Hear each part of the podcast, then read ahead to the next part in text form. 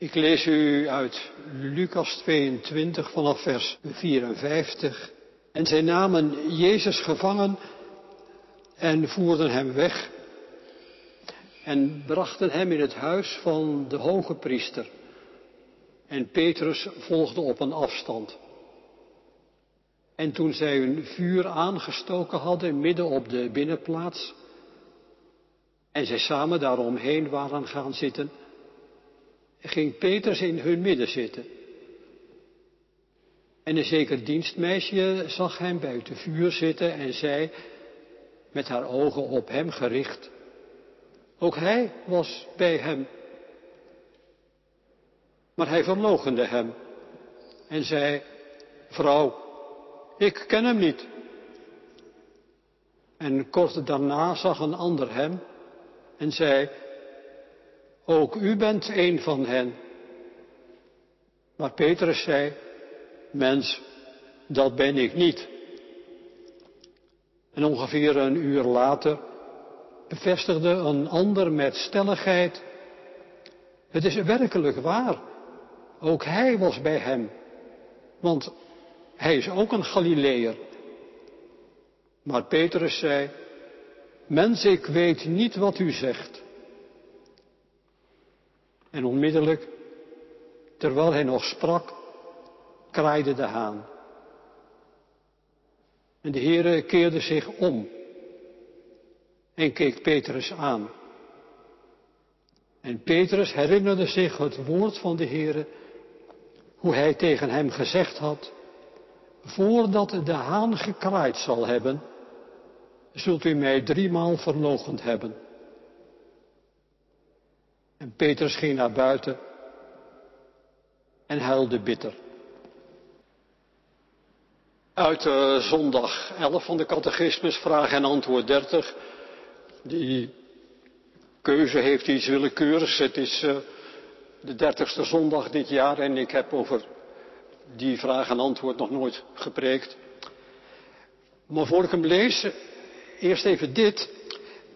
De voorafgaande vraag en antwoord benadrukt met heel veel kracht dat er maar één heiland is, maar één zaligmaker, maar één Heer en dat bij Hem en bij Hem alleen redding te vinden is naar ziel en geest en lichaam. En ik kom daar in de preek straks nog wel op terug. En dan komt vraag en antwoord 30. Geloven dan die ook aan de enige heiland Jezus, die hun redding en heil bij de heiligen, bij zichzelf of ergens anders zoeken? Nee, maar zij verloochenen metterdaad de enige heiland Jezus. Ofschoon zij zich op hem beroemen. Want van tweeën één. Of Jezus is geen volkomen heiland. Of zij die deze heiland met een echt geloof aannemen, moeten alles in hem vinden dat tot hun heil noodzakelijk is. Lourdes in Frankrijk, daar hebt u vast wel eens van gehoord. In Vlaanderen is er ook een klein Lourdes. Een plek waar naar gezegd werd, Bernadette door Maria werd ontmoet. En vlakbij die plek Klein Lourdes ben ik opgegroeid. En dat betekent dat je gewoon in de praktijk van alle dag, eh, op zaterdag of zo, als je daar rondliep, het was ook een mooie, mooie tuin omheen, dat je de mensen zag zitten, zag knielen, biddend, mediterend, soms even, soms tijdenlang, voor zo'n heilige beeld, met name het beeld van Maria natuurlijk. Dat je die ingetogenheid zag en je als kind erover verwonderde. Mijn ouders, bij de zeer kerkelijk, spraken daar nooit een oordeel over uit, ook nooit neerbuigend of zo. En dat geeft je dan toch in het opgroeien de ruimte om, om te zien en, en, en ook te waarderen in zekere zin. Hoezeer die, die heiligen, die vrouwen, mannen die op een of andere manier van God hebben getuigd. Hoezeer die heiligen existentieel verbonden zijn met de geloofsbeleving van de Rooms-Katholieken uit die tijd en ik denk voor een deel nog steeds. En als ik zeg existentieel is dat eigenlijk toch wat te mager. De psychologische, het gaat meer om een, om een geloofservaring voor mensen. De heiligen, en mensen hadden zo hun eigen heiligen, zeg maar, die gaan met ons mee op ons levenspad.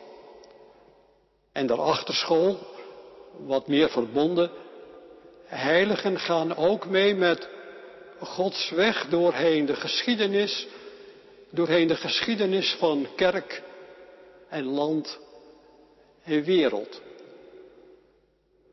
Daar zit dus een, een, een hele intensiteit, een, een geloofsintensiteit achter.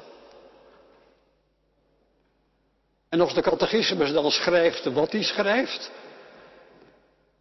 dat is echt een kopstoot. En nog los van de vraag of je, of je over mensen mag zeggen, jullie verloochenen God, jullie verloochenen de Messias. Nog los van die vraag is, klopt het eigenlijk wel wat hier staat? Ja, klopt het eigenlijk wel? De gedachte is dus, en dat is, dat is natuurlijk een logica waar je niks tegenin kunt brengen. De gedachte is dus van of Jezus is de ene heiland en de enige, of hij is het niet. Als anderen ook medeverlossers zijn op een of andere manier.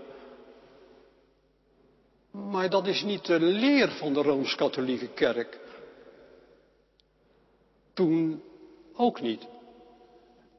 De heilige is niet degene die verlossing brengt. De heilige is degene die in voorspraak de gebeden van de mens tot God, tot Christus brengt. In die zin doet de catechismus de Rooms-Katholieke kerk van die tijd eenvoudigweg onrecht. En nog meer natuurlijk, als je, als je bedenkt, er is een zogenaamd schatboek geschreven bij de catechismus door een van de opstellers daarvan. En uit dat schatboek lees je dan dat inderdaad wat hier staat niet alleen tegen de kerk als zodanig is, maar, maar zeg maar heel, heel concreet tegen de Roomsen. Dan moet je natuurlijk wel, als je zo heftig tekeer gaat, moet je natuurlijk wel gronden hebben. Ja, en, en die zijn er ook wel. Want de catechismus proeft wat er in die tijd diep wel leefde. De leer van de kerk kan dan wel anders zijn dan wat hier wordt geduid. Maar in de beleving van de mensen, in de beleving van de mensen was het wel degelijk heel vaak die of die heilige en natuurlijk ook Maria dat zijn mijn verlossers. Daar in Klein daar hingen allerlei van die stenen bordjes met een tekst erop, dank u voor genezing. En dan mag je hopen dat met dat u God zelf is bedoeld. Maar heel vaak was het ook, dank u, en dan kwam de naam van een heilige, dank u om genezing. Dan is de verlossing in dit geval van lichamelijk leed, of ook wel geestelijk leed, dan is die verlossing aan die heilige toegeschreven. Een onderstroom die er was toen der tijd, en zeker nog in mijn jeugd ook, om aan de heiligen verlossing toe te schrijven. Een onderstroom die er was om, met name ook aan Maria, verlossing toe te schrijven, zozeer dat destijds Paus Johannes Paulus II Maria mede-verlosseres noemt. En dat de huidige paus dat ontkent, dat zegt alleen maar dat die onderstroom, zeg maar, er nog steeds is. Maar de lijn die hier getrokken moet worden, dat is dat als je in de Rooms-Katholieke Kerk spreekt over heiligen, dat het niet gaat om iets vreemds of zo, ja wat is daar nou aan de hand? Nee, dat het gaat om, om heilsgeschiedenis. Om heilsgeschiedenis van heiligen met de mens die gelooft. Om heilsgeschiedenis van de heiligen met God. Om heilsgeschiedenis van die heiligen met God en zijn weg doorheen de wereld. Ja, wat hebben wij daar nou mee? Wij, roepen geen heilige aan. Het zal wel, wel, wel, waar wezen, maar het is niet een beetje verlies van tijd om het daarover te hebben.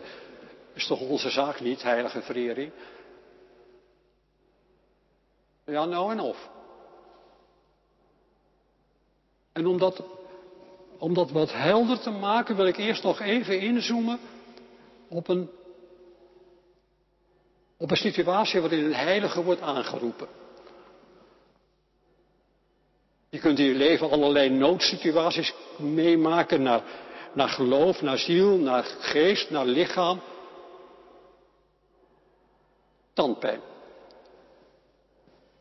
Tandpijn kan je, als zo in het weekend je overkomt, je hele zijn overhoop halen. Daar is een heilige, Apollonia. Als je tandpijn hebt, dan roep je Apollonia aan. En Apollonia wordt aangeroepen omdat zij een marteldood heeft, heeft geleden. En die marteldood heeft natuurlijk alles te maken met tanden, met het gruwelijk mishandelen van iemand.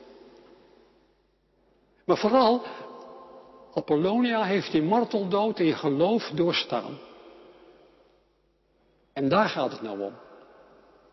Een heilige is iemand die in het standvastig geloven een teken opricht van het koninkrijk van God. Een heilige is iemand die midden in het boze dat maar al te reëel is om ons heen, midden met de boze die maar al te reëel is, die daar doorheen breekt. In het gelovig vertrouwen door alles heen op God en op Gods liefde en op Gods weg met haar of hem doorheen het leven en doorheen de dood. En die heiligen die staan dus, zeg maar als het ware in een kring om je heen en die, die geven een soort, een soort bescherming, een soort geborgenheid. Ze, ze staan langs je levensweg en, en ook daar weer geborgenheid, veiligheid in de weg die je met God en naar God gaat en, en, en in de weg die je dus ook met de heiligen gaat. Wat is er nou op tegen eigenlijk om die geborgenheid te zoeken? Dat heeft een mens toch ontzaglijk nodig. Wat is er op tegen om vanuit die geborgenheid de heilige te vragen om voorspraak te doen bij God, want God is vaak zo ver weg. Voorspraak te doen bij God om genezing, om, om geloof, om liefde, om vertrouwen, om zoveel dingen. Wat is daar eigenlijk op tegen? Het zijn toch, het zijn toch mensen die in hun geloof ook werkelijk van betekenis zijn geweest voor de kerk en voor de wereld, voor de kerk tot op vandaag, van betekenis zijn geweest voor mensen in hun eigen geloof. Wat is daarop tegen? Dit is erop tegen. Dat de enige die voorspraak doet, Jezus Christus is. Hij is degene die ook voor ons pleit, staat er dan. En pleiten, dat is niet God op andere gedachten brengen. Pleiten, dat is zeggen, deze namen, deze mensen horen bij mij. Ik breng ze u. Deze namen, deze mensen. Ze horen bij mij. De gekruisigde, de opgestane. Wat is er op tegen? Om in de geborgenheid van mensen die bijzonder geweest zijn om je heen, tot God te komen en, en hen als het ware ertussen te schakelen. Dit is erop tegen. Dat het goede dat mensen doen, dat die heiligen gedaan hebben, dat is geen nieuwe bron vanuit, van waaruit wij leven. Het is de vrucht van Gods leven met ons. Gods leven met ons. Zoals we dat mochten zien en herkennen in de gang die Jezus Christus gaat. Van kruis naar opstanding. Wat is erop tegen om iemand anders dan hemzelf in de voorspraak bij God, in het pleiten bij God te betrekken? Dit is erop tegen. Dat de kracht van God in ons leven niet uitgaat van grote gelovigen, niet uitgaat van geweldige bijbels geïnspireerde daden, maar dat de kracht van God in ons leven uitgaat van het kruis.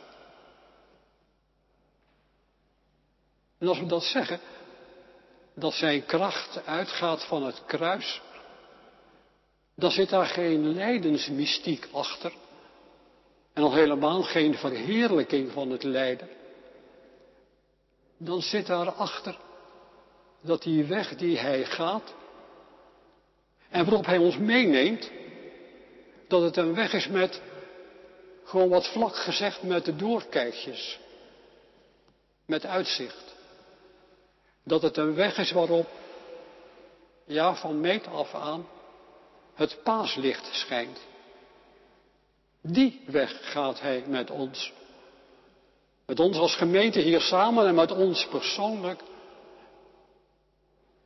Die weg met mensen met een eigen naam. En dat is het wat de Reformatie zo nadrukkelijk heeft willen stellen. Er zijn geen tussenpersonen. We zijn dankbaar om wat mensen om ons heen deden en gedaan hebben, maar er zijn geen tussenpersonen. Het gaat om die ene weg samen met Hem. Alles wat je tussen Hem en ons inschuift, die heiligen, alles wat je tussen Hem en ons inschuift, liturgische vormen, alles wat je tussen Hem en ons inschuift, mijn specifieke geloofsovertuiging. Alles wat je tussen hem en ons inschuift. Ik ben toch geroepen om arbeider in Gods wijngaard te zijn. Dat alles voert weg van een nader tot u. Hij gaat onze weg. Hij gaat de weg met ons en de weg met hem. De weg naar de voleinding. De weg naar het koninkrijk Gods. En op die weg worden wij dus meegenomen en op die weg staan wij tegenover Hem. En we weten heel goed, ik noemde het al, het boze en de boze, ze zitten niet stil. En we strijden daartegen. We strijden daartegen door, door het te horen, door het te willen horen ook. We zijn medearbeiders in Gods wijngaard. En wij ontlenen aan de schrift de grote woorden, eh, vrede, veiligheid, gerechtigheid, barmhartigheid, verzoening, trouw, liefde. En we gaan ze invulling geven. Ja, natuurlijk gaan we ze invulling geven. We geven ze een vorm, we geven ze een gestalte. We zetten ze neer op de weg in ons leven, op de weg van de kerk. Kijk, kijk. Zie je het? Hier gebeuren toch, hier gebeuren toch dingen die, dat zijn toch doorbraken van Gods koninkrijk? Ja, zoiets als bij Apollonia. Doorbraken in Gods koninkrijk. We zetten ze neer. Telkens weer de grote gedachten, de grote vormen, hoe wij de grote woorden moeten invullen. En het tastende, het aarzelende, het voorlopige, dat is ons dan vreemd. Nee, zo, zo, zo moet je dat zien. Zo moet je dat doen. Dat is de weg die God ons wijst. Zo creëren we onze eigen heiligen. Onze eigen heilige overtuigingen. Zo scheppen we die afstand tussen God en onszelf. We zijn er zeker van hoe het moet. Nou ja, zeker. Ja goed, we zijn er zeker van hoe het moet. Zo, zo ongeveer moeten we gaan. Zo ziet een rechtvaardige wereld eruit. Zo ziet een gezond gelovige kerk eruit. En ja, wij zijn er. Wij zijn er op die weg, die weg van het koninkrijk. Wij zijn er op de weg van het, het rechte geloof. Waar is hij eigenlijk? Want wat wij doorbraken van het koninkrijk van God noemden.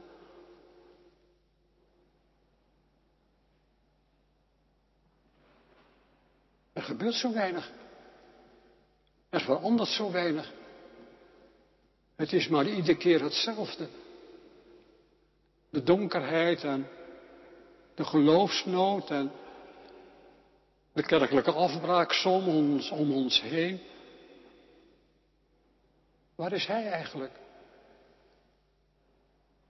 We zingen liederen als laat komen, Heer, uw rijk, uw koninklijke dag. Maar waar is die dan? Ja, waar is die dan? Die dag en hij zelf. En voor de helderheid, in de jaren van mijn, zeg maar, kerkelijk betrokken jeugd, zo de 60, 70 jaren, klonken die woorden die ik nou zeg, van de zekerheid hoe je het moet doen en de zekerheid hoe je moet geloven en zo, die klonken toen ook. En ik denk, en ik ben er ook nogal bezorgd om, dat in deze tijd diezelfde dingen weer doorcijpelen. Op een gematigder manier. We verwachten minder van onszelf en soms denk ik ook, we verwachten minder van God. Maar het, het zijpelt wel opnieuw door. Want de donkere dingen in het leven vinden wel telkens weer een andere weg om ons te raken. Ja, waar is hij? Waar blijft hij? En het antwoord komt er niet of komt niet zoals wij het zouden willen horen in elk geval. En dat heeft misschien toch wel te maken met die enorme kerkverlating van de laatste vijftig jaar. Dat God niet doet zoals wij vinden dat Hij zou moeten doen en zoals we het ook aan elkaar verteld hebben. Dat God niet is zoals Hij naar ons besef zou behoren te zijn. Dat is dus verloochening. God meten met je eigen maat. En als God niet is, zoals hij behoort te zijn. Wat moet je dan nog met hem? We hebben toch aan onszelf genoeg. En dan moet je natuurlijk ook niet verwonderd zijn dat, dat ook in deze tijden de, de, de, de messiasjes opstaan en. Is dat toch als je niet op Gods woord vertrouwt, dan zoek je het in de grote woorden.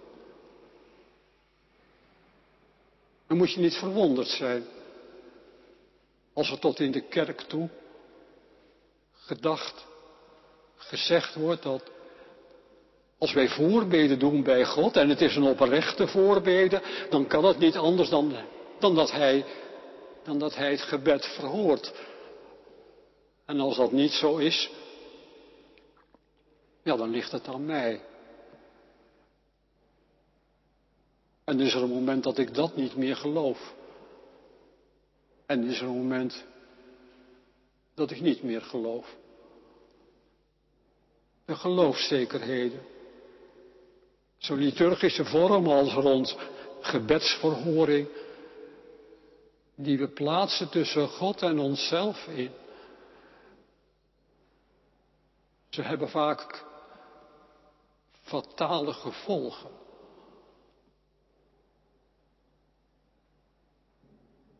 Niets zetten tussen God en jouzelf.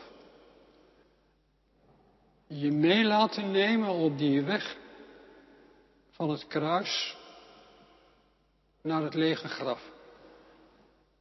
Je mee laten nemen naar de weg, op de weg naar de opstanding, naar het licht.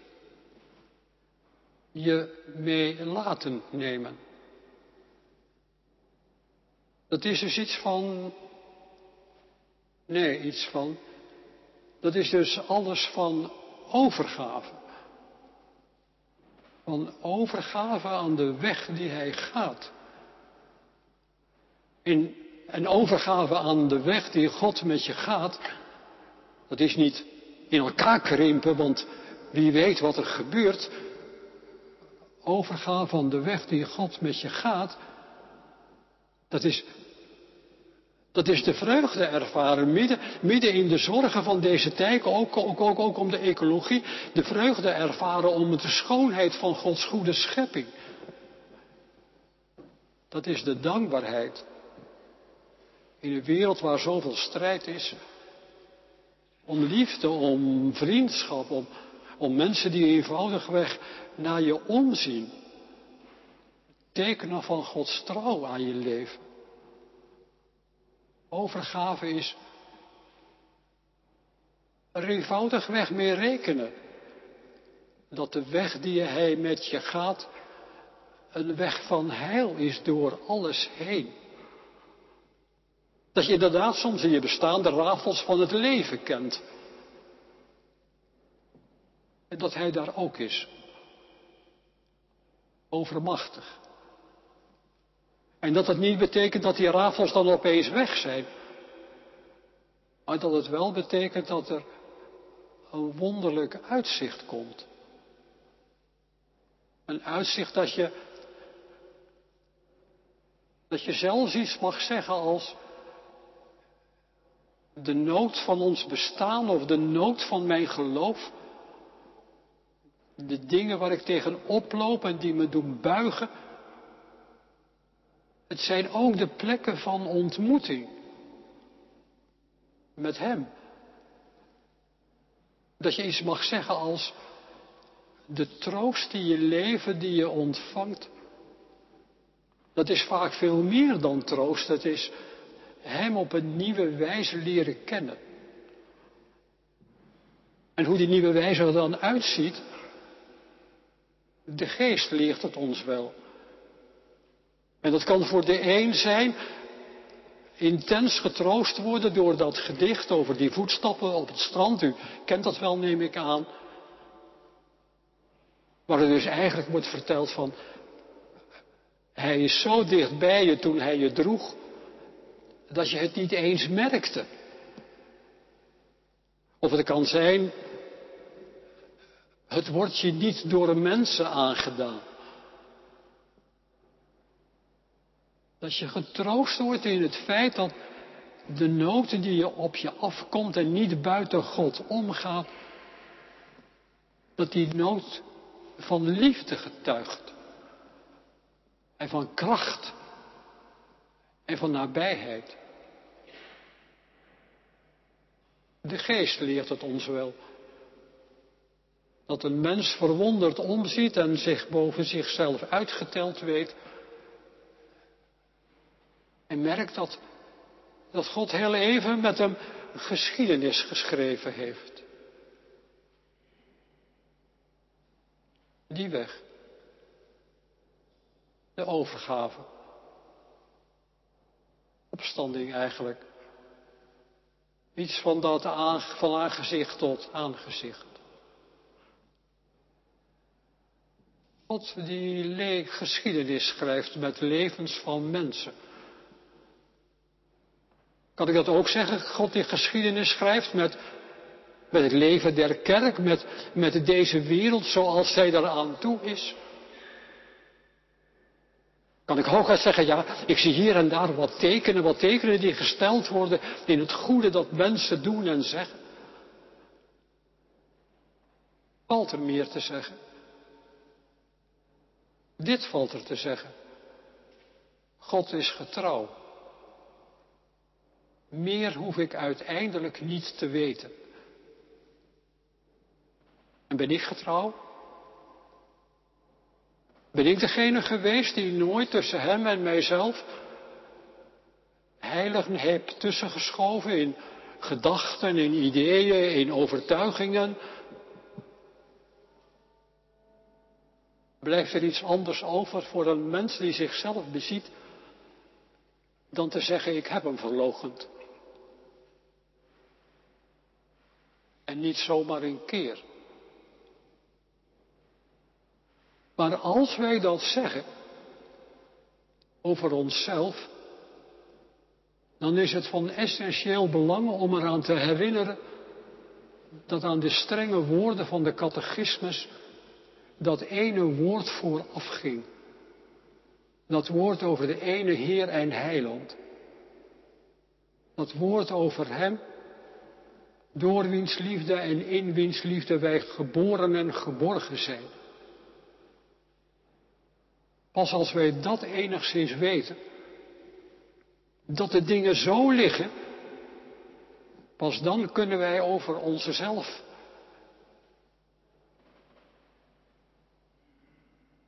het erkennen, de verloochening, het nee zeggen tegen hem, telkens en telkens weer.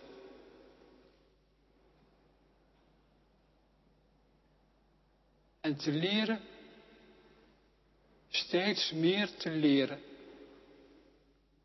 dat dat ene, dat Hij inderdaad de enige Heer en Heiland is, ons hele leven, ons hele zijn omvat en draagt, midden in de vreugde en door alle verdriet en nood en dood heen.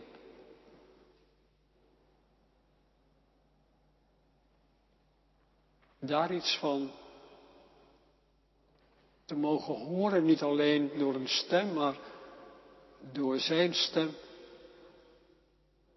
Daar iets van te mogen horen dat hij het donker in mijn leven heeft weggeveegd. Dat is op het moment dat je het jezelf toegeeft, best wel even schrikken, noem het voor mijn part kruisdragen.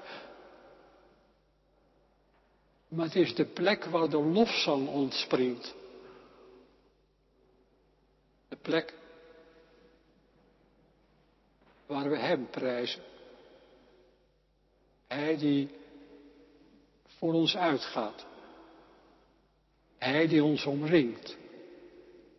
Hij die mijn veilige plek in alle eeuwigheid wil zijn. Amen.